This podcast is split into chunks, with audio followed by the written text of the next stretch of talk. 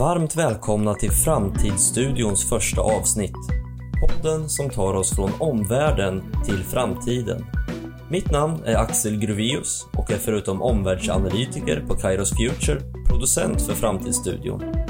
Jag är väldigt glad att i detta vårt första avsnitt få bjuda på ett långt och spännande samtal mellan Framtidsstudions programledare Fredrik Thorberger och Kairos Futures VD och grundare Mats Lindgren. Hur tar man omvärldsarbete från insikt till avsikt och till sist handling? Och vad innebär det att näringslivets omvärldsperspektiv återigen håller på att vidgas för att innefatta mer än bara aktieägarnas intressen?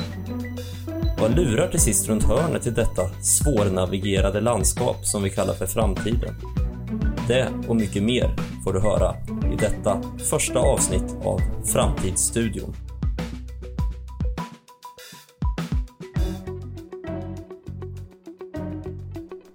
Varmt, varmt välkomna till detta första avsnitt av Framtidsstudion. Det är Kairos Futures podd som nu kommer ut i poddeten.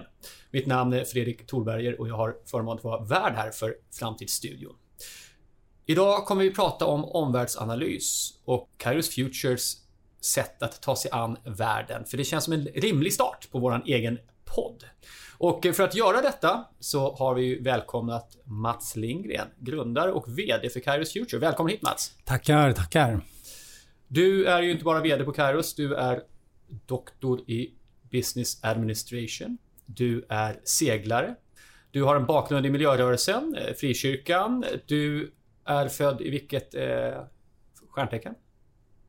Ja, men det vet du säkert. Nej, det har faktiskt inte Väduren. Väduren. Ja, det är många faktorer som har format dig och ditt liv. Och vad ska jag säga, eh, är det något av det här som har spelat en större roll för att du kom att starta Kairos Future? Eh, vad spelar den största roll? Eh, jag tror att det handlar om att backa tillbaka ännu längre. Jag är inte bara doktor i företagsekonomi. Jag började faktiskt plugga på KTH. Mm. Eh, och var engagerad i, jag har väl alltid egentligen tyckt att de stora frågorna där ute har varit stora och viktiga. Jag har alltid varit engagerad i miljöfrågor, då blir man väldigt engagerad i framtidsrelaterade frågor. Så när jag pluggade på KTH och läste teknisk fysik så spårade jag in på miljö och läste alla kurser som fanns i miljöområdet och började sedan jobba på en institution som heter Miljövårdscentrum där jag var ansvarig för miljövård i en globalt perspektiv, energi och miljö, höll på med, tittat, följde Institutet för framtidsstudiers arbete där och höll på med det några år. Det, mm. och i den där vevan så drev jag igång något framtidsinstitut och lite sådär mm. som ideell. Och när, pratar vi, när i tiden pratar vi om det? Nu pratar vi tidigt 80-tal. Tidigt 80-tal. Mm. Ja, miljöfrågan var het. Ja, precis. Nej, den var, ska jag säga, när jag jobbade på Miljövårdscentrum som var 81 till 84, då var det en downperiod för miljöfrågor. Okay. Den hade varit mycket större på 70-talet. Ja. I samband med Stockholmskonferensen 72 kring, kring miljöfrågor och hela efterdyningarna utav det här som skedde på 60-talet då med Rachel Carsons Tyst vår och... Just det. Men sen skjuter det fart igen senare på 80-talet, eller? Ja, det var väl då miljövalet 88 när eh, Miljöpartiet kom in i riksdagen. Där säl, sälvalet. Precis, precis. På tal om omvärldsfaktorer som påverkar.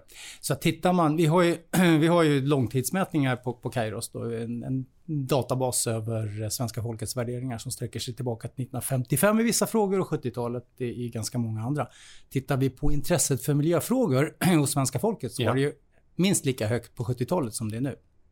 Okej, okay, ja. Mm. Det där är intressant. Vi kommer komma tillbaka till lite grann om hur fokus på framtid och omvärld så att säga har, har varierat över tiden. Men hur föddes då Kairos Future? Var någonstans eh, ska man säga att den, den resan startar? Den, jag ska säga den, det långa svaret på det, den startade egentligen när jag bestämde mig för att eh, skriva en bok om informationsteknologi och samhällsförändring. Det var 1984 och eh, då så, året efter så slutade jag på eller jag kanske var 84. Nej, det var 84. Då, då slutade jag också på, på KTH. Och eh, den här boken kom ut året efter, men då startade jag eget och började jobba med att försöka få grupper och organisationer att tänka strukturerat kring framtiden. Mm. För det upplevde jag att det fanns liksom inget, när man ska prata framtiden, vilket jag, jag var engagerad i massa ideella organisationer, ja, ja. och när man ska diskutera framtidsrelaterade frågor så var det väldigt svårt att få alltså en strukturerat samtal utan det blev hot och, och liksom eh, ska säga, utopiska visioner blandat i en diskussion och då behöver du ha en metod för det där. Så det, jag började jobba med att försöka hitta metoder för att driva processer i grupper. Ah, just och det. det gjorde jag rätt mycket då under några år på 80-talet. Jag skrev en bok åt, som, eh, åt LTs förlag. Jag var konsult åt Institutet för framtidsstudier i metoder för mm, att mm. få liksom, grupper att diskutera framtidsfrågor. Mm. Ehm, och den här första boken om informationsteknologi och förändring, samhällsförändring följdes av ett antal andra böcker under slutet på 80-talet. Och ur det så, så växte så småningom, blev så småningom Kairos Future utav det där. Mm. Hur många var ni som eh, var liksom kärnan? In the very beginning så var vi, det var, då pratade vi 93, då hade jag varit managementkonsult i några år i någon särskilt nätverksorganisationer, strategikonsult. Eh, men de var lite lösa. Då ville jag göra någonting som var lite mer sam... Alltså, man måste bygga ett företag där det finns någon slags strukturkapital, ja, där du har ja. någonting som är gemensamt med metoder och sådär. Eh, och det var, det, det var, det var egentligen starten på Kairos. Från början mm. var vi tre personer. Mm. Ja. Och hur många Eller dem är fyra kanske. Ja. Hur många ja, dem är kvar idag Om jag säger fyra så är tre kvar. Ja, tre mm. kvar. Mm. Då pratar vi Jörgen. Ja. Jörgen Jedbratt och Erik Herngren. Just det. Mm. Ja, spännande. Och det här namnet då, Kairos Future. Jag håller ju mycket föredrag när jag åker runt här som eh, konsult på Kairos. Eh, och får ju ständigt förklara denna eh, mystiska ordkombination. Hur, hur kom ni på Kairos Future? Ja, om jag får backa lite så hade vi skrev en, skrev en bok. Det var jag och Ivar Jägers som, och Jörgen Jedbratt var lite med på ett litet hörn på det där. Ehm, vi skrev en, och Ivar var också med i starten då, vi skrev en bok som hette Morgondagens värderingar som kom ut 1992 i december. Och då eh, hade vi börjat göra lite grejer tillsammans innan Kairos blev Kairos. Vi gjorde det i mitt gamla bolag. Eh, och, ehm, och då kallade vi oss för Framtidsgruppen. Så att sen skulle vi inregistrera, jag ska byta namn på mitt företag till Framtidsgruppen. Det gick inte det, för det var det några andra som hade tagit ah. det namnet precis efter det att vi hade släppt boken där det stod Framtidsgruppen. Jag tror att de hade inspirerats av detta. Ja. Vilket vi är lika glada för, för det fanns ett bolag i USA som hette The Futures Group. Eh, så att det var, det hade inte riktigt funkat. Om det är någon som lyssnar nu som vet att man har gjort någonting i det här registrerat i bolag så får ni gärna höra av er. Det vore kul ja, att veta. Ja, storyn bakom. Eh, men det var någon HR-konsult i Täby tror jag. Ja. Hur som helst, eh, då ska man hitta någonting annat. Och då kände jag till det Kairos-begreppet, eller Kairos på mm koine grekiska eller egentligen på modern grekiska också, men då betyder det lite någonting annat. Ja, men så berätta, vad betyder det? Det betyder um, den rätta tiden, eller när tiden är inne. Det här kvalitativ tid. Alla som har försjunkit i en god bok och bara jag har suttit här i två timmar. Ja. Man har varit i Kairos tid. Ja, ja. Men det är också den här stunden, tid för förändring, när tiden är inne mm. i den grekiska mytologin. Men det kunde man inte hitta på den tiden. Det fanns inget internet, så det gick ju inte att googla eh, på det sättet som vi kan göra nu. Så att vi försökte leta liksom lite mer. Det var någon som sa att det finns nog en Kairos-gud också. Så satt man och ringde till K eh, här, Kungliga biblioteket mm, och till professorer okay. mm. och försöka liksom gräva i det där. Och så mm. småningom kom vi väl fram till att det fanns en gud som heter Kairos också som är son till Zeus och son, son till Kronos, den andra tidsguden. Mm. Och eh, nu har jag faktiskt en båt nere i Trogir sedan ett antal år tillbaka. Som ligger i, i Kroatien. Det är en gammal grekisk stad ursprungligen. Och där fanns, finns ett kloster från väldigt gammalt kloster. Där finns en avbildning på denna Kairosgud. Han har ah. stora vingar på axlarna, vingar på fötterna. Um, Enligt legenden så rusar han fram i en faslig fart över Olympen. Det finns ett sätt att stoppa honom och det är när han är på väg emot dig. Och därför har han hårpiska i pannan. Men så fort han passerat är det alltid för sent och därför är han rakad i bakhuvudet. Ja, då förstår jag. Så vi spanar efter vad Kairos dyker upp nästa gång för folk att hitta den rätta tidpunkten. och sen hjälper vi kunderna att fånga hårpiskan innan det är för sent. Ja, Ja, spännande. Det känns ju som ett lämpligt tema här för vår första avsnitt. Att vi fördjupar oss lite. Var är det vi kommer ifrån? Vi som håller på och pratar om detta. Och vad är det för organisation som avsänder denna podd? Och nu har vi fått lite kunskap om historien. Um, om du skulle säga Caris Future, många har ju mött oss och hört på föredrag och många har tagit del av studier. Finns det någonting som du ser som mer okänt om Caris Future? Alltså för den stora breda allmänheten så, som känner till oss där lite ytligt och som kanske har lyssnat på oss på ja, alla, alla föredrag och sådär eller läst, radat ner våra rapporter så är det nog att vi jobbar ju i huvudsak som eh, jag kallar det för strategikonsulter, innovationskonsulter med min egen twist. Det är mm. liksom där den stora, stora volymen timmar ligger. Mm. Det skulle jag säga, det är många som inte känner till. Det de absolut inte känner till, det är väl de lite mera liksom aparta verksamheterna som vuxit fram utav det vi, det vi hållit på med. Vi har hållit på i över tio år att försöka hitta nya metoder för att jobba med omvärldsanalys och det började med liksom att leta metoder för textanalys och bygga algoritmer för det där. Då har vi faktiskt startat ett helt nytt bolag som bara jobbar med AI-supportad, mm. AI-driven textanalys eller eh, ja, egentligen analytics-plattform. Men eh, i kombination till det där så gör vi till och med projekt som träna AI i att automatiskt identifiera karies och andra problem i tänderna. Det. det är väl få som vet. Mm, mm. Inte så mycket omvärld, utan mer invärld kan man nästan säga. Väldigt ja. mycket så. Precis. Um, vad tror du är en viktig egenskap att ha om man ska jobba med omvärldsanalys? Jag ställer den frågan för när jag är ute så får man ofta frågan så här, vad har du för bakgrund för att jobba med det här? Och det är ju väldigt olika bakgrunder som finns här på Kairos. Men finns det några egenskaper, tänker du, som är viktiga att ha? Ja, dels, man ska vara väldigt receptiv och väldigt... Eh, alltså, det allra viktigaste kanske är att man är duktig på att tänka konceptuellt. Att man är lätt för att liksom ta stora mängder information och att hitta mönster i det, att twista det några steg ytterligare och försöka att verkligen kunna utvinna det, den viktigaste i en stora informationsmängder. Så att eh, ta den här datan och skapa fungerande modeller till exempel ja, och strukturera den på något sätt. Och så ska man gärna vara intresserad av allt mellan himmel och jord. För att ju, ju liksom bredare intressespann du har, desto lättare att hitta de här kopplingarna. Alltså. Mm. Mm. Koppla ihop punkterna liksom. Mm. Ja, intressant. Eh, en del av svaret på frågan eh, vad man ska ha för bakgrund eller kapacitet för att pyssla med omvärldsanalys på Kairos eller någon annanstans förstås. Det är många som jobbar där ute och gör det här i sina organisationer. En del har gått utbildning här hos oss. Det är väldigt roligt. Du, eh, vi kliver över till ett annan mer en fråga. Det är ju omvärldsanalys, framtidsspaning. Hur väl kan vi förutsäga framtiden? Och då menar jag inte Kairos Future. Jag menar i allmänhet med omvärldsanalys och framtidsspaning. Hur väl kan man egentligen förutsäga framtiden? Ja, med någon slags exakthet så kan man inte förutsäga någon framtid överhuvudtaget. I alla fall inte en framtid som ligger någorlunda långt eh, fram i tiden. Däremot så kan man ska säga så här. Vissa saker kan vi vara ganska säkra på när vi tittar lite längre fram i tiden. Eh, städerna kommer se ut ungefär som, alltså byggd infrastruktur kommer vara ungefär där den finns idag. Mm. Det är väldigt tröga processer. Mm. Värderingar är väldigt trögrörliga, mm. normalt sett åtminstone grundläggande värderingar. De kommer bestå över tid, de kommer förändras genom att nya generationer kliver in på arenan och gamla dör bort.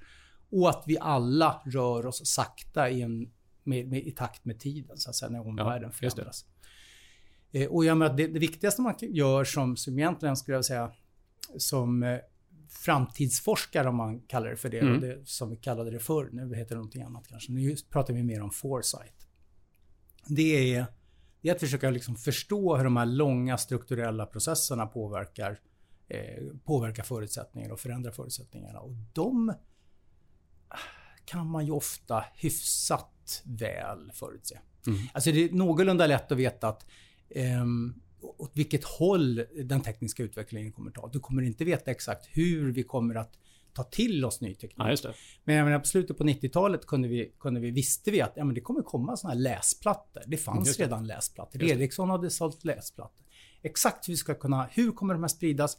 I vilken utsträckning kommer de att användas? Det kanske vi inte vet, men det, det gick att förutsäga. Vi gjorde ett projekt i 97-98 där vi åt ett gigantiskt eh, globalt eh, medieföretag där vi sa så här, men kommer folk liksom ha stå med receptböcker vid spisen om 7-8 eh, år? Mm.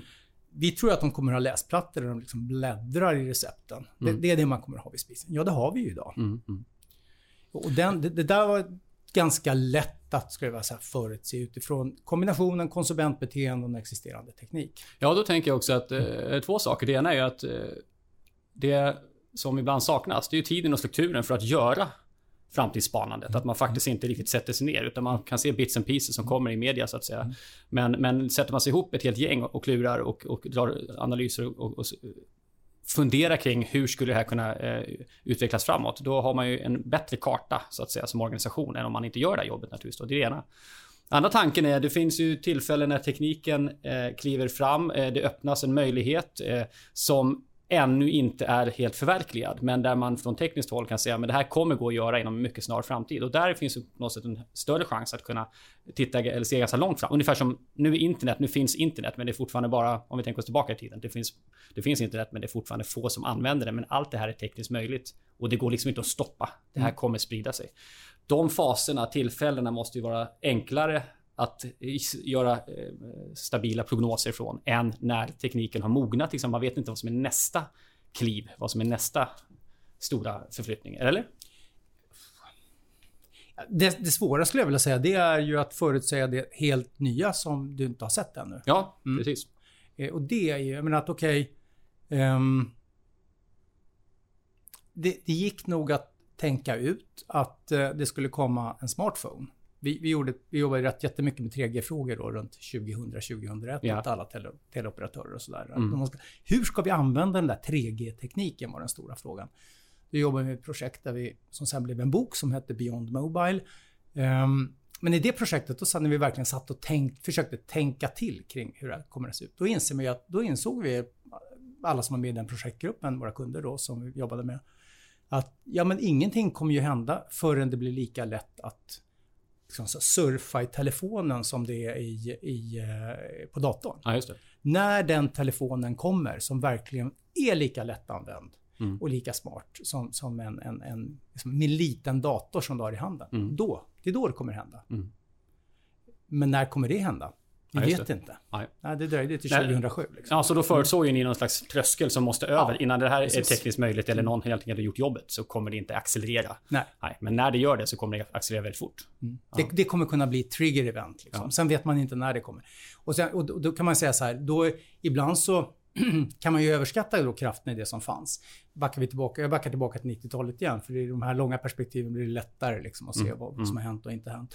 Vi gjorde ett projekt åt tidningsutgivarna kring framtidens dagstidning. Ja. Eh, och, eh, och då var ju deras stora fråga, vad ska hända med dagstidningen och sådär. då, hade, då låg ju internet fortfarande i sin linda. Det fanns fortfarande massor av radannonser och mängder av platsannonser i dagstidningar och liksom annonsmarknaden var fortfarande jättestor. Mm. Eh, men våra slutsatser där var ju väl att ja, men vänta nu, radannonserna, kommer de finnas kvar? Liksom? Mm, mm. Kommer inte de bara flytta ut på nätet? Just det. Kommer inte platsannonserna flytta ut på nätet via liksom, rekryteringssajter och sådär? Eh, och hur kommer ens dagstidningen i pappersformat finnas kvar? Mm. Vi, har, vi tittar på utvecklingen på digital, inte bara läsplattor, men kolla också på digitalt papper som mm. man trodde väldigt mycket Just på. Det. Då tänkte jag så här, läsplattan, nej den kommer nog inte helt sluta, dagstidningen. Men, men får vi digitalt papper, vilket vi då trodde att vi skulle få, då kommer dagstidningarna, de printade, helt försvinna. Mm. Och vår bedömning var att ja, men typ 2010, då kommer dagstidningen. Då kommer det finnas entusiastföreningar för dagstidningens bevarande. Där överskattade vi kraften i just det digitala pappret. Ja, just det. Just det. Ja, intressant. Ja, Okej, okay, så att eh, er prognos om det digitala pappret och tidningsdöden på det sättet, den var inte helt rätt då. Eh, har du exempel på en prognos, eh, många prognoser som har varit rätt, men någon som tänker att det här, det här känns extra roligt att vi, att vi nailade liksom. Det här var inte alla som förutsåg, men... Nej men något som var extremt, jag, då tyckte jag var extremt roligt. Jag backar tillbaka igen till det där glada 90-talet. För då var ju allting så förbaskat nytt. Det var ju väldigt nytt för oss också. Och ja. det var liksom en first time experiences hela tiden. Men då, vi, vi startade ju rätt tidigt med eh, internet. Jag hade kollegor som skrev den första boken om affärsmöjligheter på internet. Och den kan man faktiskt bläddra i även idag och se att det mesta de sa då, 94, har faktiskt hänt. Mm. Mm. Men då startade vi också 95, en, en mätserie i april och försökte fånga den här internetpenetrationen. Eh, hur stor är den egentligen? Och då mm. hade vi en fråga som hette Eh, har du eh, tillgång till e-post eller World Wide Web hemma eller på jobbet? Det var 1% i april 95 som hade det. Och eh, ett år senare, så, eh, lite drygt ett år senare, så hade det ökat till 6% och utifrån det där så gjorde vi en sån här eh, framskrivning och antog att då Ja, men utvecklingen följer nog en S-kurva och på lång sikt så kommer alla ha internet. Liksom. Ja. Du, du, får det i TVn, du, det är liksom, du har det någonstans. Så att eh, vår bedömning var så här, mättnaden ligger på 100% nivå och hur långt hur länge kommer det då dröja tills vi landar på 50% nivån? Och konstaterade vi att någon gång hösten 99 kommer vi landa på 50% nivån. Mm. Där bommade vi med två månader. Det är en bra prognos. Men hur, hur gör man sån framskrivning? Vad fick du säga då hösten 99? Vad sa du? Hur, hur kom ni fram till just det, den tidpunkten? Nej men, den, nej, men den, vi bara räknade. Vi stoppade det där in, in i en formel. Aha. Som Så finns... rent, rent... Ja, den kan Ja. du googla fram. liksom. Ja, ja, ja. ja. ja då så. Ja, spännande. Jag var faktiskt in idag och läste på eh, internet och svenskarna. Ja. Hur utvecklingen var. Och det, det är ju ett oerhört naturligt stort användning av internet på många sätt. Och eh, 41-listorna börjar springa ikapp de yngre generationerna, Mm. skriver de. Men det är fortfarande 430 000 ungefär svenskar som eh, då använder det aldrig. Och ytterligare eh, flera hundratusen som använder det mycket, mycket sällan. Och det var intressant att se där, för att det fanns ett samband också mellan att använda det väldigt lite och att inte känna sig som en del av samhället. Om det finns en kausalitet här, det vet man ju inte. Men, men de grupper som använder det väldigt lite eh, känner i högre grad att de inte är en del av Ja, samhället. men det är inte så underligt alltså, eftersom du hela tiden idag refererar till, och, titta på nyheterna på TV eller titta på vilket program som helst på TV eller lyssna på radio. Då är det hela tiden hänvisningar till att du kan gå in på våran sajt och du kan göra ditt och datten. Allt, allting hänvisar till internet. Ja, just det. Ja, för det man såg också att de som eh, eh, använder det lite också så här, känner sig då som mindre som en del av samhället. De jobbade i, i branscher med en hög andel, så att säga, som de kallar det här, arbetare versus färre tjänstemän och så vidare. Lägre utbildning, bodde ofta på landsbygden, oftare kvinnor än män som uttryckte detta. Så att det finns många faktorer som gör om man som, som kan ge den känslan av att vara en del av samhället och inte och vad som är mainstream-samhället så att säga. Ja, det är intressant. Vi pratar omvärldsanalys och framtidsspaning. De två orden eh, använder jag lite slentrianmässigt ibland när jag pratar om vad vi gör. Vad skulle jag distinktion här? Omvärldsanalys, framtidsspaning.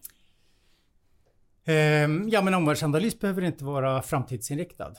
Jag menar, ett vanligt sätt att göra omvärldsanalys, i alla fall var det för ett antal år sedan, ofta så här, men vi som organisation borde göra en omvärldsanalys. Ja, vad ska vi göra då? Ja, men vi intervjuar lite intressenter runt oss och sen frågar dem hur ser de på oss? Just det. Ja, men det är inte en omvärldsanalys som vi jobbar med, utan de är alltid framåtriktade. Där vi egentligen, det vi egentligen försöker, och det, det som har strategisk betydelse för de flesta, det är ju faktiskt att blicka framåt. Så här, vad är det som händer i er omvärld som har en impact på er som organisation eller på den här frågan som vi vill studera? Eh, och hur ser riktningen i de förändringarna eh, ut? Och då blir det egentligen framtidsanalyser snarare än omvärldsanalyser. Ja, det. Men det är en framtidsanalys där man liksom blickar utåt ur den egna, organis ut, i den orga, egna organisationens omvärld. Eh, och gärna liksom längre bort än den arena man befinner sig i och det här som den kända terrängen. Och titta, titta lite bredare än så. Ja, just det. Det är omvärldens framtid som man letar efter och hur den kommer få konsekvenser. O- omvärldens framtid. Den, om, den del av omvärlden vars liksom, framtid har impact på den egna frågan eller den egna organisationen. Just det, precis. Ja, vi. Och, och, och, och ett problem då som man har ofta det är ju det att vi kan våra egna handlingsdomäner väldigt väl. Så att man har en enormt liksom enskilda individer i en organisation har ofta väldigt, väldigt mycket kunskap om det de exakt håller på med och det som ligger precis runt omkring dem. Mm, mm. Men om du adderar då, och, och även om du tittar i en organisation och så tar du alla individerna där eh, och lägger dem och tittar på deras handlingsdomäner och lägger ut det där i ett fält så kommer det finnas massa vita fält däremellan som ingen har koll på. Ah. Och det är då vi måste sammanföra de här människorna och se. Ja, och, som, då, och där man också upptäcker att, att eh, vi saknar informationsbitar. Ja. Och det vi ofta upplever i när vi jobbar med kunder, det är ju i, i processer då, där man steg ett ofta ska försöka liksom hu, mappa ut hur ser den strategiska omvärldskartan ut? Vilka, de, vilka trender är det som har högst impact på våra frågeställningar Ja. och, och, och så. Eh, och då, det vi ofta gör då, det vi har ju förberett ett, liksom en, ett däck med trendkort till exempel. Mm. Sen kan man sätta grupper att diskutera. Så vilka är de trenderna som påverkar den här frågan mest eller vår organisations mest? Men när vi slänger in våra förpreparerade trender så är det ofta så att då upptäcker man ju att nej, men vi har ju missat det där och det där och det där och det Mm. där. För det finns inte den här omedelbara liksom, eh, checklistan som man bär med sig. Nej, jag upplever ofta att man får ju sträcka sig längre bort. Alltså ha en längre horisont än man eh, vanligtvis Ja. har. Och eh, det jag upplever att, eh, bra med att, att få eh, perspektiv utifrån är just det, speciellt om, i vårt fall då där vi har möjlighet att omvärldsspana och framtidsspana med så många olika branscher. Att det plockas in saker kors och tvärs på ett annat Mm. sätt än vad man har möjlighet själv. Och vi har projekt som, som de flesta projekten handlar ju om 3-5 års horisonter men vi jobbar ju med projekt som är liksom 2050 och 2070 ibland Mm, också. Så det, man har liksom olika tidshorisonter och olika skalor, sånt som är väldigt specifikt branschspecifikt till de här riktigt stora globala strategiska geopolitiska utvecklingen, Mm, mm. Eh, klimatfrågor, ny teknologi som kan i grunden förändra liksom, villkoren. Hur tycker du att samtalet om, om framtidsspanande och, och har förändrats under åren? För menar, nu kan jag uppleva att det pratas spanande inte minst överallt och framtid pratas det och vi ser alla möjliga företag som lägger till framtid på något sätt i sina, sina slogans och så vidare. Hur, hur här förändrats under åren? Om man tar det långa perspektivet på det här. Jag har ju hållit på med det här då sedan tidigt 80-tal eh, i en eller annan eh, form. Mm. Ehm, och eh, jag ska börja någonstans. Vi hade branschkollegor, amerikaner, som heter Coates and Jarrett. De tyvärr sorgligen avsomnade nu. Eh, kollegorna därifrån är utspridda på lite andra bolag. Men de gjorde en studie på sent 90-tal. Ja. De ställde precis den här frågan. Vad har hänt i, i globala bolag som de jobbade som målgrupp då, under de senaste åren? Så de kartlade mängder av framtidsprojekt från tidigt 70-tal. Okay. Då, började framåt till slutet på 90-talet. Och det de kom fram till att vi har blivit slarvigare och slarvigare. Jaha. Alltså man la ner enormt mycket energi på det där på 70-talet. Sen går vi in i 80-talet när världen börjar liksom gå snabbare och bli mer oförutsägbar och globaliseringen tilltar. Mm. Då förlorade man tron på planering som man hade på 70-talet.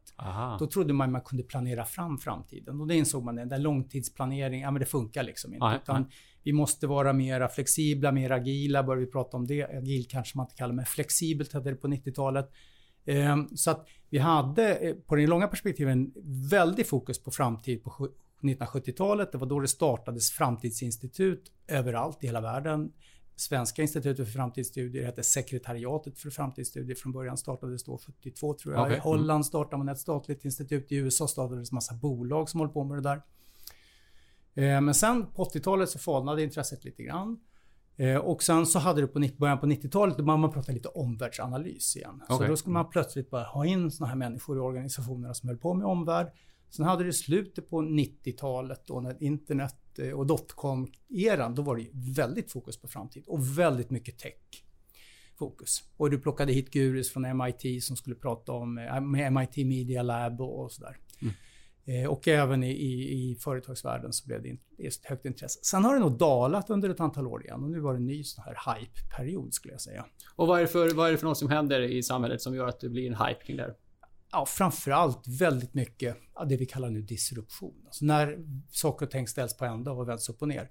Och det hade vi i slutet på 90-talet när, när internet kom och ja. liksom skapade turbulens i massa branscher. Man visste inte vad som skulle ske. Dessutom la vi på det, la på alla avregleringar. Man tar energibranschen på, på 90-talet där man plötsligt, oj, vänta nu, eh, vi har avreglerat alla nät, hela nät, näten. Mm. Vad ska vi då göra? Mm. Idag står energibranschen i samma typ av fråga. Nu är det inte avreglering av näten utan nu är det liksom smarta elnät och hur ska vi, hur ska vi få det här att fungera med ny, ny logik med distribuerad elproduktion och mm. sådär. Och vad skulle du säga idag är drivande faktorer för att folk pratar mer om framtid? Vilka förändringar de skulle... Ja, det är ju ja, men det vi kallar digitalisering, AI, men också den riktigt stora frågan nu, det är ju klimatfrågan. Ja. Och den har ju seglat upp, skulle jag säga, som nummer ett i många branscher. Ja. Den har överskuggat liksom AI-frågan som var den stora för ett år sedan. Mm. Och när vi pratar branscher, hur skulle du beskriva skillnaden mellan branscher i det här? Det finns ju väldigt olika sätt att, alltså hur man jobbar strategiskt och kanske vanan att, att tänka framtid och spana. Eller ser, ser det, är det mer beroende på företag eller Eh, enskilda aktörer eller finns det en branschskillnad på något sätt? Ja, men det finns ju massa branschskillnader som handlar om vilken planeringshorisont har du. Jobbar du liksom i kapitalintensiv, i skogsindustrin till exempel. Ja, nu ska vi bygga ett ny massafabrik. Ja, men då måste du ha gigant, otroligt långa tidshorisonter när mm. du tänker på det. Om du jobbar i snabbrörliga konsumentprodukter, då har du väldigt kort framförhållning normalt. Mm. Däremot så finns det ju en hel del forskning som talar för nu att det, och det har vi vetat ganska länge, men det är väldigt mycket som talar för att det är, man har en strategisk fördel i princip alla branscher genom att tänka till lite längre. Mm. Det finns en studie som publicerades för ett år sedan, eh, Rohrbeck och Kuhn, eh, som, eh, där de, de, de tittade på globala bolag 2008 tror jag det var. Och så försökte de se hur mycket foresight håller de på med, det vill säga hur mycket tittar de framåt, men också hur använder man de här insikterna? Vilket vi tycker är det viktigaste av allt. Använd Förstås. framtidsinsikterna ja, ja. i era strategiska beslut och i er innovationsverksamhet. Och då visar det sig att de som är lite mer high performers i termer utav att använda foresight och, och hålla på med foresight. De har, hade under en sjuårsperiod då, eh, 200% högre tillväxt i värde på bolaget Oj. än de andra och ja. 33% högre lönsamhet i genomsnitt. än det genomsnittliga bolaget. Så det är en enorm impact. Mm. Och jag tror att det där handlar om att det är så lätt att lura sig och tro det att, att ju mer oförutsägbar eh, framtid, eller världen upplevs och ju mer snabbföränderlig den är, desto mindre tänker man så här, men det lönar sig inte att tänka framåt. I princip är det precis förmodligen tvärtom. Det är samma sak som när man kör en bil. Ju snabbare man kör, desto längre fram på vägen behöver du titta. Mm. Ser du att det här eh, behovet av att titta framåt, är det någon skillnad mellan företag, eh, organisationer, myndigheter? Eh, ser du samma engagemang för framtidsfrågor utanför näringslivet, så de andra sektorerna? Har politiken blivit ja, mer framtidsspanande? Nej, politiken är inte särskilt framsynt. Det har den inte varit på många, många år. Mm. Men ska säga, behovet är lika stort. Intresset ser lite olika ut skulle mm. jag säga. Mm. Men om du tar offentlig sektor har gigantiska utmaningar. Mm. Och he, alltså egentligen så här, alla institutioner oavsett om vi talar eh, alltså, bolag som har funnits i många år eller om vi pratar om, om eh, myndigheter och liksom, ska säga, institutioner som skolan mm, eller så. Mm, mm. Har, står ju inför enorma utmaningar tror jag. Okej, okay, jag, jag, tänker mig nu att jag eh, leder en organisation och eh, jag lyssnar på den här podden och tänker så här, det här, eh, här är någonting som vi kanske kan utvecklas i, i, i att vara mer framtidsmedvetna liksom, och strategiska. Och då vill jag förstås veta, bara översiktligt, hur, hur kan man börja? Hur går det till? Hur liksom kliver man på att jobba mer framtidsinriktat? Hur, hur kan en sån process se ut? Vad är liksom steg ett? Nu tänker jag backa tillbaka, backa bandet där. Ja. Om man tittar på eh, vad är det som driver eh, performance eller framgång i den här typen av värld, den värld vi ligger i. Då ska jag säga att de forskningsstudier vi har gjort på det här området i 20 år nu de pekar mot tre saker. Du måste ha en kultur som är liksom lite en, en kultur där man, en nyfikenhetskultur mm. där man diskuterar vad händer i vår omvärld, vad innebär det? Det där kan man stimulera på fika, runt fikaborden. Du kan, eh, du kan till och med starta kampanjer i, i digitala plattformar eller ordna workshops där, du bara, där, man, där man spanar tillsammans. Däremot så har det inte jättestark eh, impact på liksom hur framgångsrikt det blir ett företag eller en organisation. För det som krävs är att du också har en process att tära ner det där i, så att vi strukturerar de där liksom spaningarna och insikterna vi, vi får. Vi har en process för att ta så att säga, insikt till avsikt och handling. Så här, vad är det för strategiska beslut vi ska göra? Vilka nya satsningar ska vi göra? Då behöver man liksom processer för det där. Att göra det spontana till något konkret och handlingsbart. Exakt, Aha. exakt. Mm. Och där skulle jag vilja säga att de flesta organisationer fallerar. Man, kan, man sätter igång massa ad hoc-aktiviteter och spanar. Man har idéspaningar och man kör brainstorming kring ditten och datten. Oavsett om det handlar om, om, om, liksom, om vad händer i omvärlden eller vad ska vi göra. Så blir det en workshop. Det blir ja. en ad hoc-aktivitet. Men det tredje som också behövs det är att du har en kalla det för en kultur eller ett förhållningssätt som organisation som gör att du är lite järvare, lite modigare. Du vågar liksom ta de här lite mer riskfyllda mm. besluten. Mm. Så de tre komponenterna eh, behöver man ha på plats. Så att alltså, nyckeln skulle jag vilja säga i det här, det är egentligen att hitta några processer att sätta igång med. Och då kan man ju börja med en del av organisationen. Vi kör en pilot kring det. det. här området. Mm. Eh, och den piloten bör inte bara handla om att spana trender, utan den då behöver du den, en process då för att du, går från en omvärldsinsikt till en, en ett projekt, mm. en aktivitet. Mm. Det här är precis det vi har kört utbildningar på då i, sen, sen mitten på 90-talet. Mm. Och skrivit böcker om exakt hur man gör och sådär. Men då tänker jag så här, om jag har en organisation som inte eh, har en tradition av att prata mycket om värld eller framtid. Eh, och jag tänker på det du sa tidigare, att människor är väldigt duktiga på just det de gör. Och ibland tänker jag att man som människa kan gå in i ett mindset. Man kommer i en organisation eller man har med sig en viss typ av professionell profil. Och när man kommer in i organisationen så sätter man sig och gör sin grej. Det som förväntas av organisationen i någon slags box. Mm. Eller det som jag tänker att det är det här som är mitt jobb. Det här är min titel. Så därför pysslar jag med det. Och då tänker jag att när vi eh, bjuder in omvärlden så att säga och tittar längre bort och, och tittar framtid så att säga, väcker det eh, frågor då tänker jag om också lite mer varför? Alltså vad håller vi på med? Vad är vår roll i detta? För kan du se sådana konsekvenser av den här typen av arbete? Att man eh, vitaliserar det samtalet på något sätt. För man relaterar ju plötsligt till en större värld än vad man mm. vanligtvis bara har så att säga handel eller kommunikation eller transaktioner med på något sätt. Vilka målgrupper man nu än har. Men här plötsligt så är det så här, okej, okay, vad ska vi göra i den här världen? Vad, vad, vad kan vi göra här? Eller vad, vad, tänker du?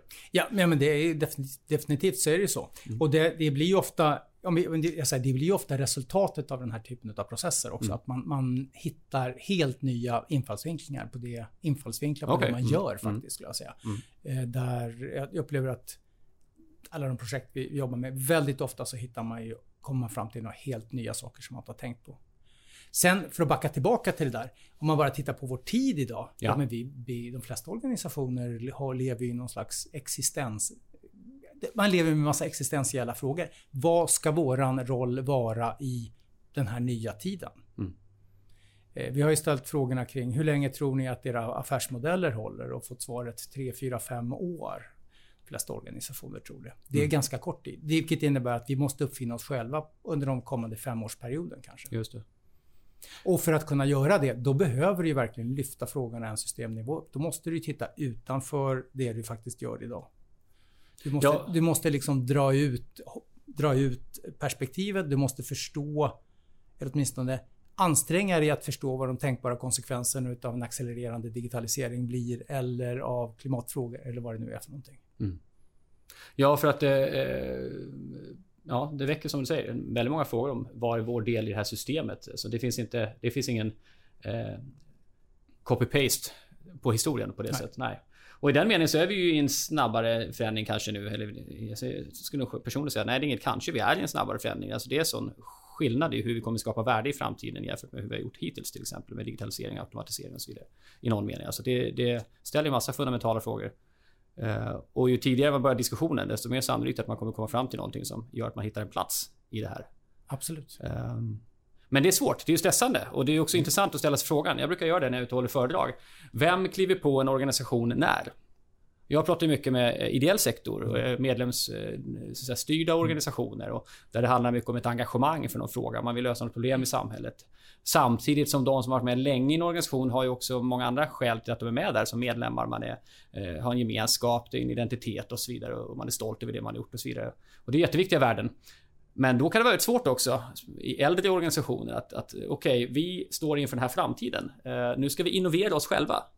Och jag tror att eh, det är en skillnad att kliva in i ett fackförbund precis innan de eh, slog igenom och lyckades i samhället. Alltså de pionjärer som var där. Mm. Jag brukar ta det som exempel att åka ut och ställa sig några hundra meter från brukspatronens bostad och försöka mobilisera arbetare någonstans ute i, ingenstans. Alltså den människan eh, hade kanske inte sökt jobb på en etablerad organisation idag, för det är en helt annan uppgift, helt annan utmaning, helt annan mm. eh, liksom kultur där. Och att då som eh, del av organisationen idag vara med och innovera och tänka liksom okej, okay, nu ska jag tänka nytt och fräscht som om det var från början. Det är en utmaning alltså helt klart.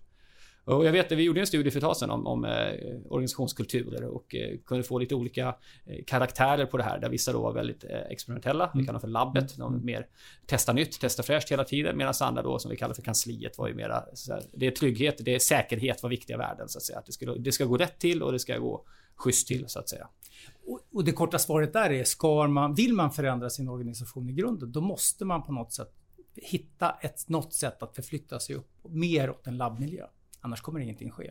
Nej, och, och det, det, kan ja. inte, det kan, kommer aldrig ske med mindre än att man också plockar in nya typer av människor. Och då måste man plocka in tillräckligt många människor ja. av labbtyp. För att de inte ska fly direkt. Och det här tycker jag är intressant när vi pratar samhället i stort nu. Och vi pratar om systemskiften på olika områden. Vi ska bygga om något slags välfärdssystem för att det ska bli hållbart. Vi ska bygga om eh, hur vi använder resurser i samhället och så vidare. Och så vidare. Och, um, för det du pratar om är att fylla på med, eller, eller komplettera med andra eh, typer, mm. kompetenser men också värderingar, attityder, förhållningssätt. Ja, förhållningssätt ja, precis. Och, och, de människor som förmår att göra det, att kliva ur så att säga, sin egen roll i organisationen och öppna dörren för de här annars lite främmande fåglarna. De kommer ju vara otroliga nyckelspelare. Mm i den omställningen. Ja, och jag, eh, här får du rätta mig, du är mer beläst än vad jag är i historien, men jag tänker att när vi byggde upp det moderna svenska välfärdssamhället till exempel, eller svenska samhället på något så, så eh, lutar sig det också mot att olika parter klev in och möttes och diskuterade hur ska det här funka? Eller vi pratade om mm. efter andra världskriget om beslut som togs om hur världsekonomin skulle fungera. Så det, det, var verkligen mycket möten där aktörer bestämde sig och kom överens och gjorde någon slags liksom, deal. Och det här tror jag gäller i alla nivåer egentligen. Ska man föda det nya så måste man ha kontakt med de andra där ute för att tillsammans hitta någonting som faktiskt matchar den nya verkligheten helt enkelt. Och det är en oerhört delikat utmaning för dagens ledare. Är jag en sån person? Hur kan jag bli en sån person? Eller vem kan hjälpa mig med det? Men att kliva ur liksom eh, för de som behöver det, kliva ur det liksom mindsetet av, av mera eh, business as usual och, och eh, inse att det kanske finns folk som behöver komplettera med här för de är mer pionjärtypen eller vad det kan mm. vara för något.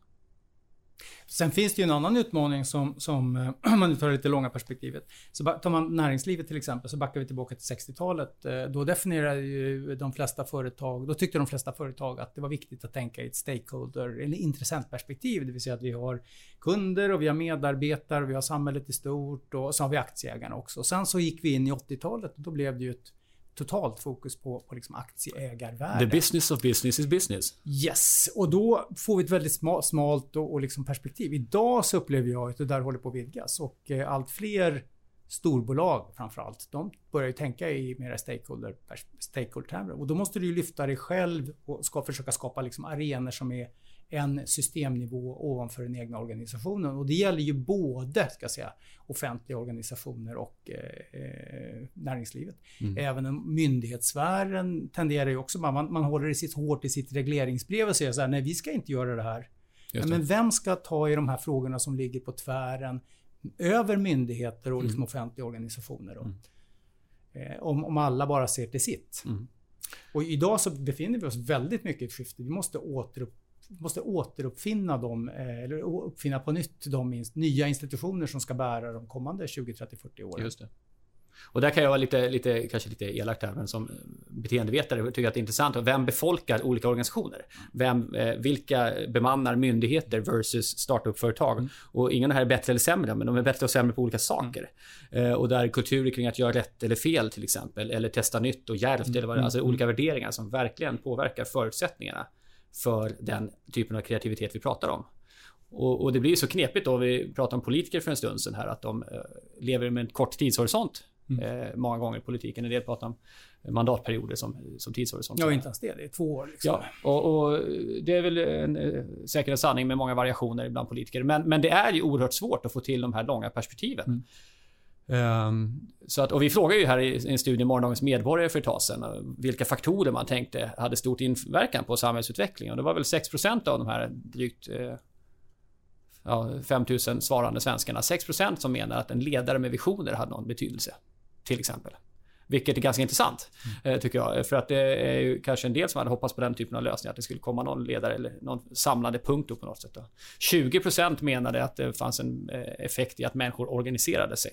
Man kunde välja fler av de här alternativen, så det var inte så att man valde antingen eller. Då. Men, men en femtedel tyckte att människor som samverkar och samarbetar och, och ja, som folkrörelserna till exempel uppbyggda, att det är en effektiv metod. Det är också en ganska låg siffra. Så var någonstans ska det här liksom komma? Men, men, men alltså, du kan ju ta vilket område som helst så att säga. Du får ju inte eh, någon varaktig förändring om inte ledningen tar ledningen. Ja, just det. Och det gäller ju definitivt i näringslivet. Vi har precis, eh, vi, det finns ju många studier som helst man tittar på det. Ska du få till en förändring så måste också du ha den här förändringen eller det nya måste företrädas på djupet utav de, den högsta ledningen. Och jag tror det är exakt samma sak i politiken. Vi har haft, vi har haft en utveckling inom politiken där politiken har blivit marknadsorienterad. Nu ska vi bara gå ut och fråga medborgarna vad de, vad de vill ha. Ja. ja. Men medborgarna vet ju inte vad de vill ha. Alltid och nödvändigtvis. I alla fall inte eh, ur ett mer långsiktigt perspektiv. Nej. det är ungefär samma sak som att gå ut och fråga folk så här, Vill du ha kring produkter som inte överhuvudtaget finns? De stora skiften har alltid handlat om att haft ledare som har vågat leda. Just det. Och varit lite obekväma kanske. Mm. Ja, och där kommer ju förtroendefrågan in också. Vi, vad vi egentligen pratar nu är, så det är att jobba med omvärldsanalys och framtidsspaning på något sätt. Och, och det går väl att ta i alla, eh, alla alltså, storlekar eh, internt i en organisation eller prata på samhällsnivå så att säga. Men, men det är ju så att eh, om vi går ut och har en marknads eller en kundrelation till våra medborgare till exempel mm. som politiker. Eh, som slog igenom väldigt hårt på 90-talet och, och, man pratar om Clinton och deras mm. trianguleringar och mätningar och opinion. 00-talet i Sverige. Ja. Mm. Och, och, hela det tänket som också genomsyrade ju mycket av diskussionen hur samhället ska fungera. Eh, individen liksom har svaret på det sättet. Och, Eh, dels tror jag att vi, vi kan se ett skifte bland unga som inte alls tror jag har den samma behovet av att uttrycka valfrihet. Jag tänker på eh, en artikel för några månader sedan här som man kan ha olika åsikter men det var ju 87 influencers som tyckte att eh, statsministern skulle citat hockeytackla oss in i en klimatsmartare liksom, livsstil. Och att, att ville att politiken skulle ta ett fastare grepp så att säga. En reflektion är att politiken kanske har ett handlingsutrymme här egentligen som man inte riktigt vågar ta. För att eh, äldre generationer, speciellt de som har levt i DDR-Sverige, har en annan syn på vad staten borde göra eh, utifrån erfarenheten att förr var den insyltad mycket mer och nu har vi liksom mindre insyltad. Och finns det då utrymme att, eh, att, att styra på det sättet och ge exempel eller leda i en viss riktning då. Förutom hela diskussionen om vad som då är sant och fakta. Alltså vad, vad har vi för lösningar rent tekniskt som skulle kunna funka? Finns det en samsyn kring detta? Det gör det ju egentligen inte. Det finns ingen vision eller bild av hur det skulle kunna vara istället. Eller tekniska eller juridiska eller vad det nu är för förändringar man önskar för någonting. Så det är två utmaningar. Det ena är liksom, finns det ett utrymme rent politiskt att, att styra samhället i den riktningen? Eh, leda som du pratar om då. Mm. Eller, och, och, finns det någon samsyn? Och i så fall kan vi ens mötas när folk inte längre kanske litar på varandra i samma utsträckning? Tankar? Många tankar samtidigt. Ja, ja. Nej men alltså det finns jag är ganska övertygad om att det finns... Eh, politiken har mycket större handlingsutrymme än man tror. Eh, än den tror kanske. Eh, den eh, politiken generellt i hela västvärlden har varit alldeles för defensiv de senaste decennierna. Man har backat tillbaka och vill inte... Jag menar till exempel hela fiskala hanteringen. Så här, kan vi investera i framtiden med, med hjälp av en statskassa? Kan vi låna upp för att göra tunga investeringar? Nej, det kan vi inte göra. Allt ska finansieras på löpande räkning. Det är ett förhållningssätt som är modernt. Alltså det, har, det, det förhållningssättet var väl nödvändigt att implementera det i Sverige på 90-talet. Ja. Vi var lite slösaktiga. Ja. Eh, och, och, och driva det väldigt långt. Men det kanske inte har någon som helst relevans idag. Och framförallt inte om du vill genomföra stora förändringar. Nej. Det var ingenting som hade tagit oss ur 30-talskrisen. Det var ingenting som hade det, det förhållningssättet hade inte lett till att Sverige hade industrialiserats. För då hade vi aldrig haft en järnväg, en stambana. Nej. Eh, och, och, det här tror jag är, det, det, och det är, inte bara, det är inte bara Sverige utan det är hela västvärlden så har vi haft en, en för passiv, liksom, för passivt förhållningssätt. Vi tror att, om man backar tillbaka till staten, vi tror att staten inte kan påverka innovationer, inte driva utveckling. Och det är det paradigmet som varit helt dominerande. Samtidigt som, som historien visar att staten har varit extremt central och viktig. Utan eh, staten och statliga insatser och samverkan mellan privat näringsliv och stat så hade vi inte haft menar, vad hade hänt med elektrifieringen? Ja. Vad hade hänt med, med, hade vi fått byggt ut vattenkraft? Alltså mm. du, du kan ta område efter område. Mm.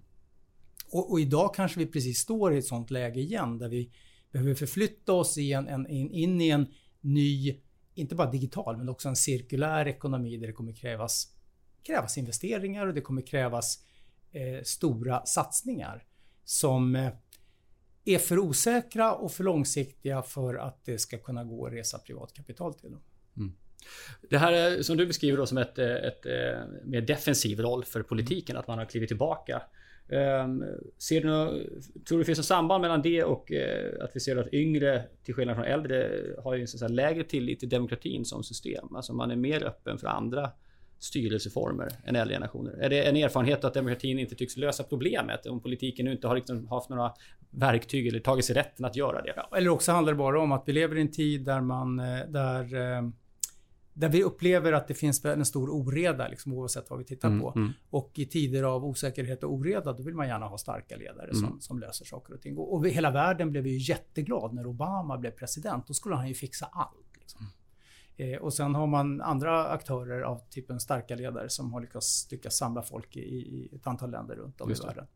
Så jag tror det mer handlar om att, att eh, och ja, men demokrati. Men man kan också säga så här, demokrati är inte särskilt bra på eh, bra styrelseform när du ska genomföra stora transformativa Nej. förändringar som kommer drabba majoriteten av befolkningen initialt. Det. Om det är det som skulle behövas. Jag säger inte att det är det som behövs, men, men det är ju rent Eh, rent principiellt så är det ju så. Mm. Ja, vi ställde frågan här. Jag ställde frågan om omvärldsanalys och framtidsspaning. Vi har rört oss omkring eh, utmaningar för en organisation. Vi rör oss in, hela vägen in i samhället. Jag tycker att det blir en bra brygga till liksom, sista delen eh, idag. Nu då? Var, var, är vi om vi tittar på, inte hur man håller på med omvärldsanalys och framtidsspaning, utan mer vad ser vi? Och eh, en av de saker som jag uppfattar som många tycker är intressant när jag är ute och håller föredrag och så vidare, det är ju ett årshjul som utvecklades här en gång i rapport 2002 vill jag minnas. Eh, som handlar om hur samhället rör sig i en cyklisk rörelse. Eh, berätta Mats, det här årshjulet. Ja, jag kan berätta kort bakgrunden. Bakgrunden var det att vi skulle försöka titta lite på vad, kan vi, vad tror vi om attityd och värderingsförändringar framåt? Eh, och det var, liksom, det var liksom starten på den där rapporten. Och då började vi labba lite med kombinationen av långa ekonomiska vågor och eh, eh långa kulturskiften i, i historien. Ehm, och det finns, eh, det finns teorier runt den här långa ekonomiska vågorna som Kondratjev, eh, rysk ekonom, kom på någon gång på 20-talet. Eh, en, en sån eh, dimension. Len, svensken Lennart Schön, professor i Lund, eh, har skrivit om det i Sverige. Där han, ur svenskt perspektiv, han säger att det finns två kopplade 40-årscykler egentligen som har lite olika karaktär. De, den kände jag inte till då när vi skrev den där rapporten. Och sen finns det ur ett kulturperspektiv också så här teorier om att världen snurrar eller kulturer snurrar i 24 kopplade 20-årsvågor. Fyra stycken kopplade 20-årsvågor. Ja, så det blir 80 år. Liksom. Ja, en livslängd och, ungefär. Ja, och när vi, bara, vi började labba med det där och leka lite med det där så tänkte vi så här, men vänta, om vi nu tar, tittar på, på västvärlden efter krig, perioden efter kriget så hade vi ju så 20, 20 sköna år av investeringar, ingenjören är hjälte, enorm framtidstro. Inte har, minst i Sverige kan man säga. Inte minst i Sverige, men även i, eh, i Europa när man kommit mm. ut ur eh, liksom, efterdyningarna av andra världskriget. Och det dröjde fram till 53-54 eller något sånt där. Men då fick man en, och man fick en tro, en tro på det starka samhället och samverkan mellan näringsliv och det offentliga. Det var planering och fokus. Mm. Eh, och man skapar ett väldigt starkt samhälle men också en stark enhetskultur. Det fanns bara ett sätt att tänka så att säga. Men när du säger starkt samhälle betyder att det offentliga, alltså politiken hade mycket inflymfande? Ja, och det, hade och det växande ja, inflytande. Och det, och det hade det också i USA. Men du hade ju marginalskatter på, på 60-talet som, som låg på, på 60 nivån. Liksom, ja. Vilket är helt orimligt att tänka sig idag. Mm. Men sen kommer vi in på någon gång en bit in på 60-talet. Då, då har du en ungdomsgeneration som har liksom, kommer in på universiteten. Vi har ja. 68-revolterna. Det blir lite så här, vi, vi, gillar inte det här enhetssamhället.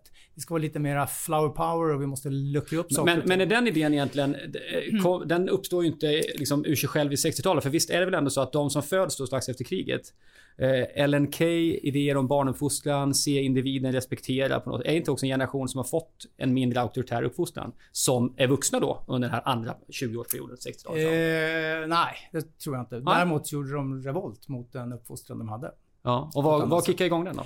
Ja, men alltså det, det, det sker ju någonting mitten på, på 40-talet. Alltså om du tittar på de som är födda tidigt 40-tal ja. och jämför dem med som är födda sent 40-tal. De som är födda tidigt 40-tal, när de blev 17-18 år, då satte de på sig en rock och en hatt. Ja. Och de som är slutet av 40-talet satte de på sig jeans och en, en, en tröja. Ja. Eh, och det är, handlar mer om eh, nya ideal som så att säga kommer in i samhället. Vi, vi, vi, vi också, vi, vi, svenskt perspektiv, men skulle säga europeiskt perspektiv så byter vi fokus från Tyskland till USA. USA ja, precis. Mm. Och det blir liksom en ungdomskulturen kommer in. Så att jag, det finns massor av komponenter i det där. Men det, det är klart att det sker och tar man studentrevolterna handlar ju väldigt mycket om revolter mot ett auktoritärt system. Mm. Sen ersätter man vissa auktoriteter med nya auktoriteter. De heter Mao och Lenin och sådär. Mm. Och så kunde man diskutera det i all evinnerlighet. Men sen, sen sker det också då på 70-talet, då, då, eller 60-talet redan, då börjar vi se baksidan av det här ingenjörsfokuset och industrifokuset och exploateringsfokuset som vi har haft då. Som byggde välståndet, nämligen miljöförstöring. Rachel Carson kom med Tyst vår. Vi hade Jakob Palmstierna, tror jag, skrev en, en svensk som skrev något liknande. Vi hade alltså det, det ena efter det andra. Sen kommer de olika typer av miljörörelser på 70-talet och vi hade miljökonferenser i Stockholm 72. Ehm, och då blir plötsligt ingenjören skurk. Ha. Ehm, det är ju 17 ingenjörerna som har skapat det här eländet och så mm. får du liksom en nya typer av ungdomsrörelse. Och sen samtidigt med det här så går vi in då i eh, OPEC bildas och det blir energikris eh, 73-74. Um, och, eh, och hela 70-talet var ju ganska stökigt. Vi får stagflation runt om i världen. Alltså, världsekonomin funkar inte. De här systemen då som vi började med att prata om, globala systemen ja, som ja. GATT eller det som, som idag heter ehm, WTO. Um, och du hade... Bretton Woods. Ja, precis. Det som skedde i Bretton Woods 43. Va? Uh, då har allt det här började, började inte, började inte krackelera men dollarn släpper kopplingen mot guldmyntfoten på 70-talet. Mm. Det var ju världsvalutan vi börjar liksom luckra upp det där och sen så får du de politisk, nya politiska ideal med Reagan och, och Thatcher ja. runt 1980. Mm. Och då går, så att säga, då börjar vi tippa över. Sen har du Milton Friedman som, som dyker upp på 70-talet och börjar prata om att, men vänta nu, det är shareholder value som gäller liksom. Ja. Så att då får du en, en kantring på nytt in i 80-talet. Och i Sverige brukar jag säga att 80-talet kom till, till Sverige 1984. För då avgick Gunnar Sträng ur Riksbankens styrelse. Okay, ja. Och då tog liksom kanslihushögern över i Socialdemokraterna. Ja. Och då började, man, och då började vi avreglera och vi avreglerar valutamarknader och vi avreglerar vi, och så kom vi in i 90-talet så började vi liksom kunna privatisera eller åtminstone finansiera då privata skolor och förskolor. Och, och vi går in i en enorm liksom, avregleringsvärld. Mm. Och börskurserna drar ju iväg under 80-talet. Mm. Och då får vi liksom nya typer av ideal igen. Och då är det ju plötsligt då är det ju inte, man, om man skulle gå på tekniskt på, på, på 40-50-talet, början på 60-talet så skulle man gå på Sopis, Socialhögskolan på, på 70-talet och sen skulle man gå på Handels på 80-talet. Eh, och då har den återigen någon slags kulturförskjutning. Mm. Och samtidigt parallellt med det här så den här starka värdena och starka enhetskulturen, den börjar ju krackelera på 70-talet liksom, mm. med, med, revolter. Men accelererar ju ännu mer på, på 80-talet och 90-talet. För då eh, det går in i mycket mer nihilistisk period, eller åtminstone postmodern period. Det finns ingenting som är sant. Det är liksom, Nej, det, all, allting blir relativt. Ja, liksom. Allting blir subjektivt. Identitetspolitiken har ju... Tänket är ju ja. redan 60-70-tal också. Ja. ja. Och, men det är liksom kulminer, det kulminerar ju nu egentligen. Ja. Mm. Ehm, och så att det här, och när vi kommer fram då till någonstans år 2000-2005, då har ju haft en, en, en lång skördetid där det har liksom kunnat på något sätt, vi har kunnat kapitalisera på det som såddes under 50-talet. I form av investeringar så har vi liksom avverkat de investeringarna eh, och, och liksom fått börskurserna att dra iväg och sådär. Men då, börjar vi, då går vi in i en liten ny period där, där den här liksom fantastiska utvecklingen eh, som den har varit i alla fall börjar liksom ifrågasättas. Vi har, först har vi dotcom-kris och sen har vi Sen kommer liksom 9-11 och sen kommer det, mass, det börjar stökas till. Och det här har ju bara egentligen accelererat. Och det, det, vi, det vi sa då det i den här rapporten 2002, det var ju det att ja, vi kommer ju få ett värderingsskifte. Den här eh, drömmen om att alltid vara evigt ung kommer som unga och, och liksom även 40-talister och senare har sagt att jag vill inte bli vuxen. Just det.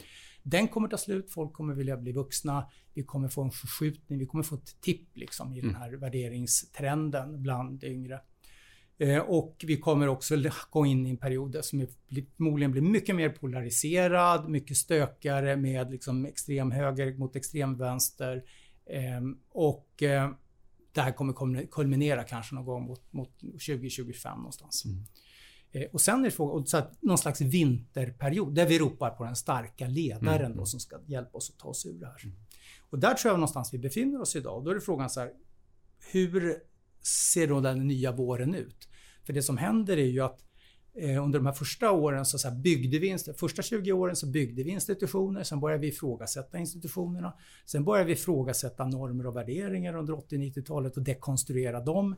Nu befinner vi oss någon slags den här värderekonstruktionsfas där man ska försöka komma överens och komma på liksom, vad är egentligen vilka värderingar ska gälla? Ja, vad är liksom sant och falskt? Då finns det sant och falskt. Ja. Jag menar, så har en uppväxande generation som inte begriper ironi nu. Ja. Utan de är seriösa, det ska vara liksom på riktigt och det ska vara sant. Jag tänker på Hans Rosling, vilket eh, gensvar han fick när han sa mm. till den danska journalisten så här, Nej, du har fel, jag har rätt. Liksom, att det var så, åh vad befriande. Det var många som kände att, eh, titta här är någon som... Och just nu så är det ju så här, så har vi väldigt många olika uppfattningar om vad som är rätt och vad som är fel. Mm. Eh, och, och, så småningom så skulle jag tro att då kommer vi börja ensa upp det där och så kommer vi dra ihop samhället. Det är min gissning i alla fall. Ja. Men framför allt så har vi stora behov av att bygga de institutioner som ska gälla de kommande 80 åren eller 60 åren. Och då frågan... Och då, måste, då måste storföretagen upp, återuppfinna sig själva. Måste liksom hitta sin roll. Ska vår roll bara vara att optimera eh, aktieägarnas värde eller har vi en större uppgift? Eh, och staterna, nationer behöver fundera på sin roll. Mm.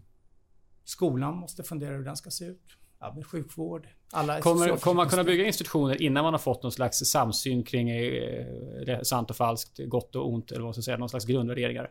Byggde, byggde de institutioner vi byggde i början på den här cykeln du beskriver, hela, hela, hela cirkeln du beskriver, byggde de på att det fanns en hyggligt utbredd majoritetsuppfattning om hur ett gott samhälle skulle se ut och så vidare? Om jag tänker på eh, socialdemokratins eh, framgångar under de här åren, att det var oerhört många som delade eller som stöttade då en bild av hur samhället skulle kunna vara. Att det fanns en det fanns en debatt, det gjorde det absolut, men det fanns också en väldigt stor majoritet i politiska mått mätt som stöttade en likartad bild. Behöver vi komma tillbaks till något sånt där vi får liksom en... Ja, men det, det tror jag. Vi behöver ju liksom, vi måste hitta någon, någon gemensam nämnare. Enas liksom, i någon ja. mening. Ja. Mm. Och sen behöver inte det bli hegemoni så att säga. Så Nej. att det bara finns ett sätt att tänka och en uppfattning. Nej, och eh, väcker fråga också, är det, ska det ske inom en nationalstat eller någon annan typ av avgränsning? Ja, det är ju en jättebra fråga. Och mm. menar, om du tar klimatfrågan till exempel som mm. ett exempel. Mm. Så säger man, ja det är ju inte ett, det är inte ett pengaproblem. Det är inget tekniskt problem förmodligen. Ja, men ta, vi tar, vad, vad skulle det kosta att eh, eh koldioxidneutralisera alla, en genomsnittlig svensk CO2-utsläpp med sån här CCS-teknik, Carbon Catcher eh, Storage-teknik? Ja, med de priser som ligger nu så skulle det kosta mellan 5 och 10 000 kronor per svensk år. Mm. Världen går inte under för att vi lägger de pengarna och förmodligen finns det tekniska lösningar som gör att vi skulle kunna göra det. Ehm, och det men, men, så, men däremot så är det så här, det vi ser nu, ja, men det, det, krävs globala överenskommelser på nationell nivå. De är ju svåra att få till. Det är ju verkligen så det. Mm. Eh, slå när jag läste Naomi Kleins där, This changes everything. Eh, hon lyfter hur eh, det var en stor eh, klimatkonferens ungefär, jag tror 1987 någonstans där, ungefär samma år, 86-87, samma år som WTO samlas och organiserar sig. Så hon sa en intressant jämförelse hur WTO haft ett tydligt regelverk med, med straff och så vidare. Så folk har förbundit sig ganska hårt till det. Men det finns fortfarande inget egentligen liknande på klimatsidan i motsvarande. Och det kan man fråga sig att det ska vara så stor skillnad. Är det verkligen nödvändigt? Eller mm. som du är inne på, det är en politisk fråga i mycket högre grad. Men då kan man ju så titta på, ja men om näringslivet sätter igång nu då? Ja. Om man nu gör som Ikea och uh, Apple och Telia var ute idag i tidningen uh, och säger så här, nej men vi ska vara CO2-neutrala 2030 och vi kräver att alla våra underleverantörer är ja, visst. Eller CO2-positiva, eller alltså negativa då kanske mm. det skulle heta egentligen. Men att de har ett negativ påverkan. Mm en positiv påverkan på klimatet. Då får du ju ett enormt tryck i systemet. Mm. Eh, och det, där räcker det med att ett antal större bolag faktiskt börjar, vilket då sker, mm. gå samman eh, och utöva det trycket. Så det kanske löser sig på andra sätt, men då är det som en institution som är någon slags frivilligt regelverk mellan privata aktörer. Ja, ja någon skulle säga att det är en marknadslogik som skulle ja. fram det. Ja. ja. Från in, en insikt kanske att vi har ett lite större ansvar än att bara optimera våra aktieägarnas ja värde nu. Vi har liksom ett värde. Ett Men den uppfattningen känns ju ganska utbredd, eller? Eller är det bara snack? Jag tänker ändå att rörelsen är mm. ganska tydlig åt det hållet. Ja, rörelsen är nog tydlig, men det är fortfarande mycket snack skulle de flesta säga, tror jag. Ja. Ja, det är också en fråga när man vill attrahera kompetens mm. idag. Att det, mm. Jag tänker också på det här eh, hjulet eller året du skriver då så att säga. Eh, expansion, eh, investeringar i början, eh, sommarperioden som vi kallar det, 60-80-talare. Och sen kommer 80-talet fram till 2000 med dekonstruktivistiska idéer och, och en globalisering också av teknisk mm. utveckling. Inte minst där. För det man kan beskriva är också att plötsligt sker ju en, en finansmarknad som kan handla kors och tvärs över världen med digitala verktyg helt enkelt. Och en del pratar om att där någonstans så, så ökar ju avståndet mellan politiken och pengarna. Mm. Helt enkelt. För att innan var en del kallade regleringsekonomi. Man styrde verkligen hur folk kunde flytta pengar på olika sätt. Och det kan man ju ha olika åsikter om. Det är bra Det, det gjorde man i bakluckan på sin Mercedes. Ja. När man åkte från Tyskland till Luxemburg. Precis. Du minns sådana här resor du har gjort. Jag är inte så gammal så jag har inga sådana stories att tälla med detta. Men i alla fall. Eh, nej men det, det, där är intressant också. Eh, Sigmund Baumann sa det, skrev det någonstans att eh, största utmaningen de nästa hundra åren det är att knyta ihop politiken med makten igen så att säga. Mm. Eh, vilket får mig också att tänka på Nelson Mandela när han berättar om hur de förhandlar om framtidens Sydafrika. Och de sitter då en förhandlingsdelegation med, med honom och, och den politiska liksom, ledningen då. Um, och sen har vi då eh, Mbeke som sitter och pratar om ekonomiska ledningen och de har inte samma, de är inte samma rum så att säga. Och mm. det som händer är att man egentligen Ja, man, lägger, man gör ett upplägg helt enkelt som gör att när, när Nelson Mandela sen blir president så får man, ja nu har vi, nu har vi liksom den politiska makten men var har vi pengarna? Mm. För det blev ett helt annat system. Mm. Och det där är intressant att fundera på hur, hur, hur kommer samhället se på politikens inflytande i framtiden? Vad, vad blir det? Eller blir det som du är mer inne på, att det, företagen kommer av många olika skäl, de befolkas av människor som bor i den här klimatförändringsvärlden till exempel. Kommer det driva att det där mycket mer in, initiativ tas? Eller blir det att politiken, som du är inne på, kommer de bli mer offensiva? Kommer det finnas stöd för det?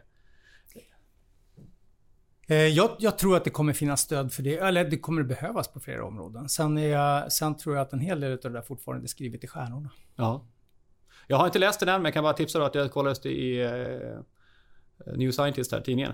Mm. Eh, science. Och eh, där var just en artikel som om ekofascism, så att säga. Mm. Idén om... Mm. Ja, men, och den är, den är ju inte ny heller. Den Nej. höll Hitler på med också. Då så, då börjar det bli dags att runda av första avsnittet av Framtidsstudion. Eh, stort tack till dig Mats som varit här och delat en mängd tankar. Och nu ska du få chansen. Vad skulle du önska att lyssnarna idag tar med sig guldkornen som gärna får sitta kvar innanför pannbenet? Att det är viktigare att tänka lite systematiskt kring framtiden än vi vanligen tror. Och då kan jag gå tillbaka till de där 200 procenten bättre liksom, eh, marknadsvärdeutveckling på ett enskilt företag. Men kanske också det som vi inte egentligen har pratat med som, som var en inspirationskälla för mig i min gröna ungdom och det var en amerikansk kvinna som heter Elise Boulding som tog fram ett koncept som hette Imaging a World Without Weapons som hon körde i FN och på andra håll. Med utgångspunkten egentligen att om vi, ett, det största problemet för nedrustning är att vi inte kan föreställa oss en värld utan vapen. Och det vi, som då våra slöjdlärare och andra brukar säga så här, det du inte kan se kan du inte skapa. Vi, vi behöver liksom försöka tänka mer lite längre. Vi behöver sätta framtiden främst. Men vi behöver också göra det på ett sånt sätt att vi faktiskt föreställer oss, kan jobba och dema eller prototypa den lösning och den framtidslösning som vi vill ha. För om vi inte kan föreställa oss det vi vill ha så kommer vi inte heller kunna skapa det. Väl valda ord tycker jag som själv också funderat på bristen av en tydlig vision. Eh, inte minst bland de politiker som faktiskt företräder partier som brukar ses som visionära. Men vi saknar den här helhetsbilden som vi kan samlas runt och tycka till om. Det är verkligen dags att säga tack till Mats och eh, Framtidsstudion stänger för den här gången. Vi återkommer med nya spännande teman framöver, så håll koll. Följ oss gärna på vår hemsida och bli medlem hos Friends hos oss så får du en heads up nästa gång vi dyker upp här i poddeten. Mitt namn är Fredrik Thorberger och tack för att ni lyssnade.